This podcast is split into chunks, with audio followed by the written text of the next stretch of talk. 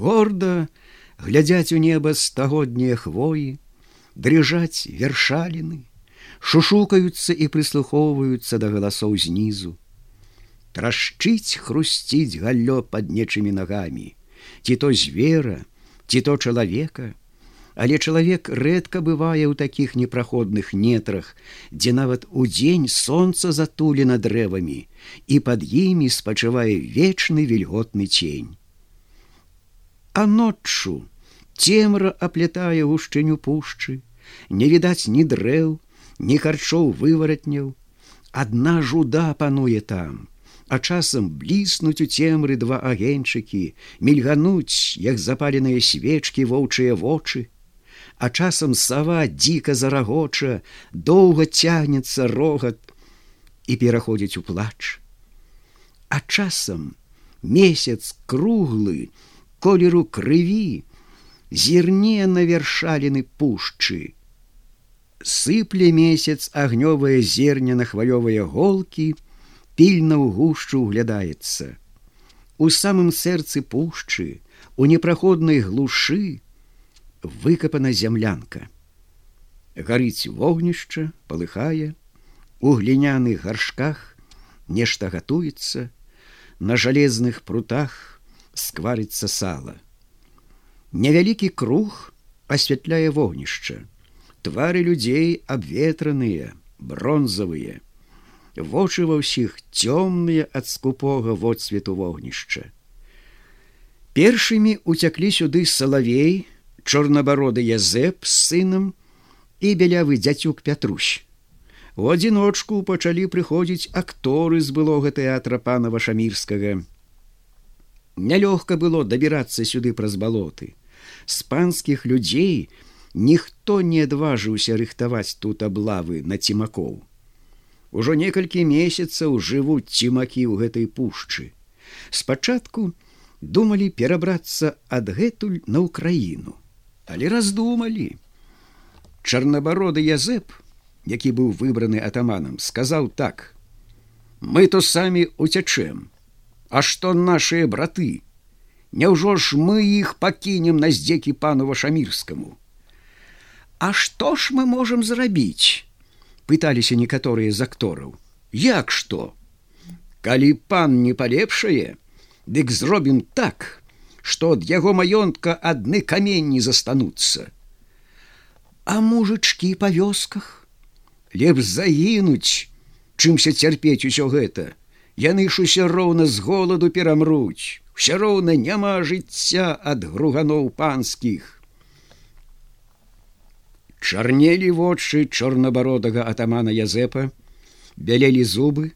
Шмат сілы было ў ягоных шырокіх плячах. Ён глядзеў на малайцоў агнёвымі вачыма і гаварыў здужаем пана! Усе яго прыгонныя вёскі нам дапамогуць! Нас много Салавей быў на яго баку.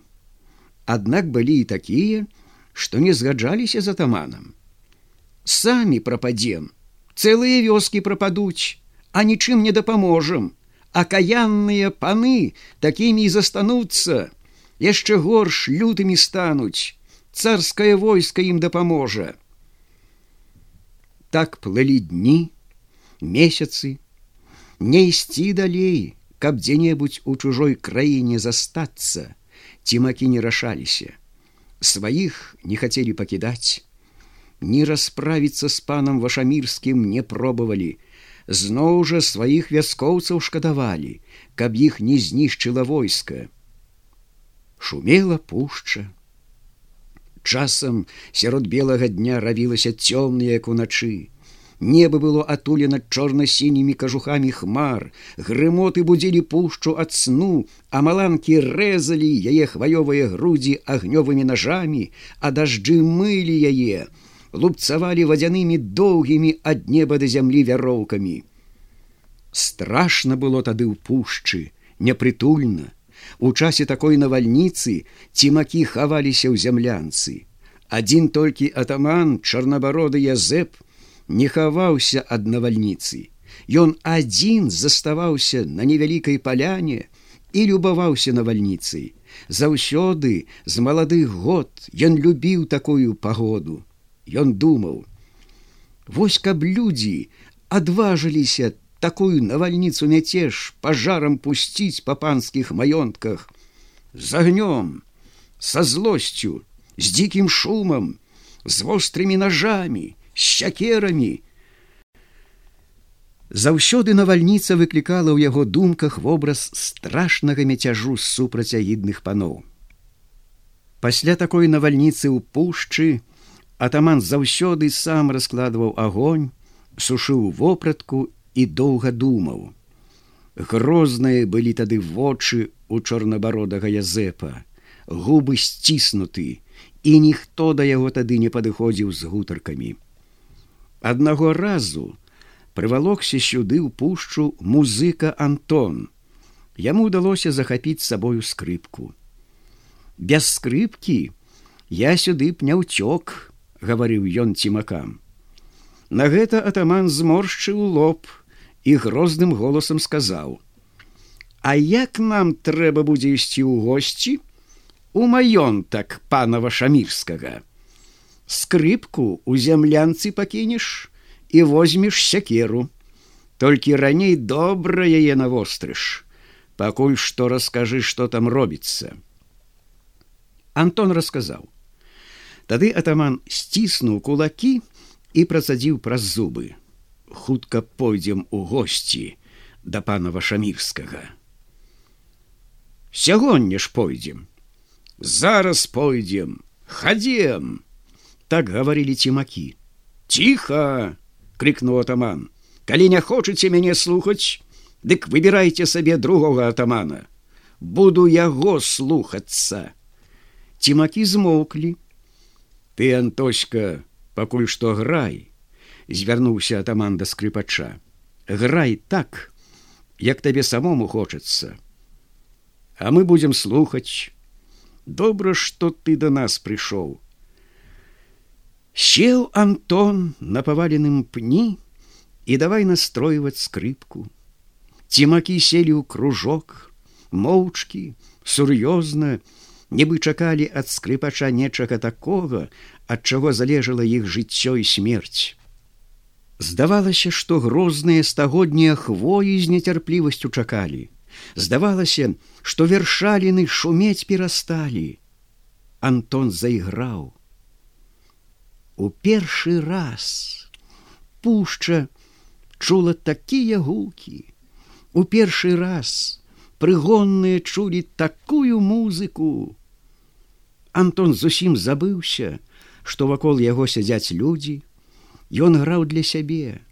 У адзін і той самы час чуваць былі розныя галасы. Адна струна заходзілася ад плачу другая дзіка рагатала а третья струна кудысьці клікала звала грозным крыкам. Не было на гэты раз той кволасці ў яго ігры, якая чуваць была ў панскім палацы. Антон адчуваў яму горача, гарыць лоб, вочы, а ў грудях страшнае пажарышча.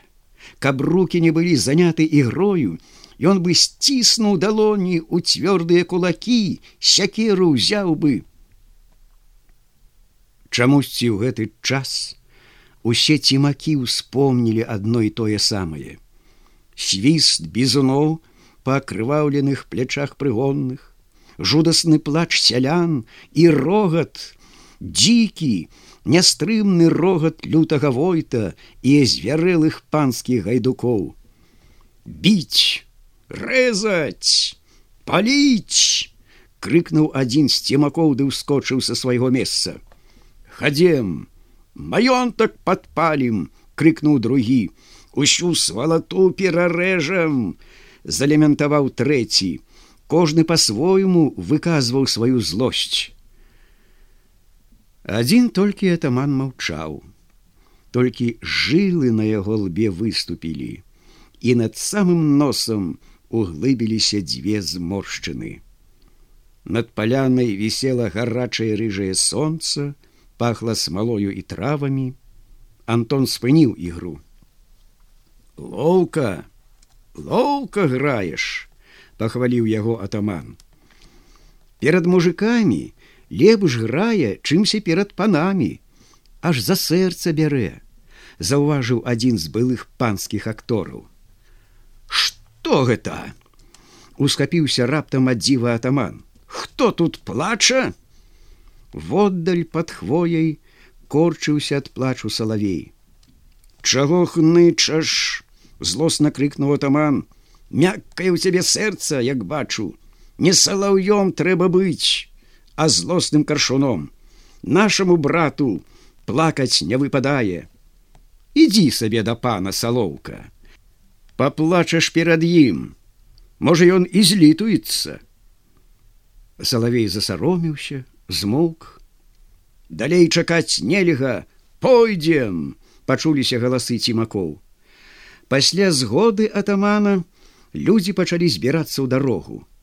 А ты, можа, тут застанешся, па салаўінаму спяваць і слёзы ліч звярнуўся атаман да салаўя салавей пакрыўдзіўся опусціў галаву і маўчаў ведай што сказаў яму атаман больш мяккім голасам мы каля маёнтка у гушчары пачакаем а ты крыху пажартуй з панам вашамірскім наладзь яму генеральную рэпетыцыю пасля гэтага мы прыйдзем табе на дапамогу, так яно можа нават і лепш будзе.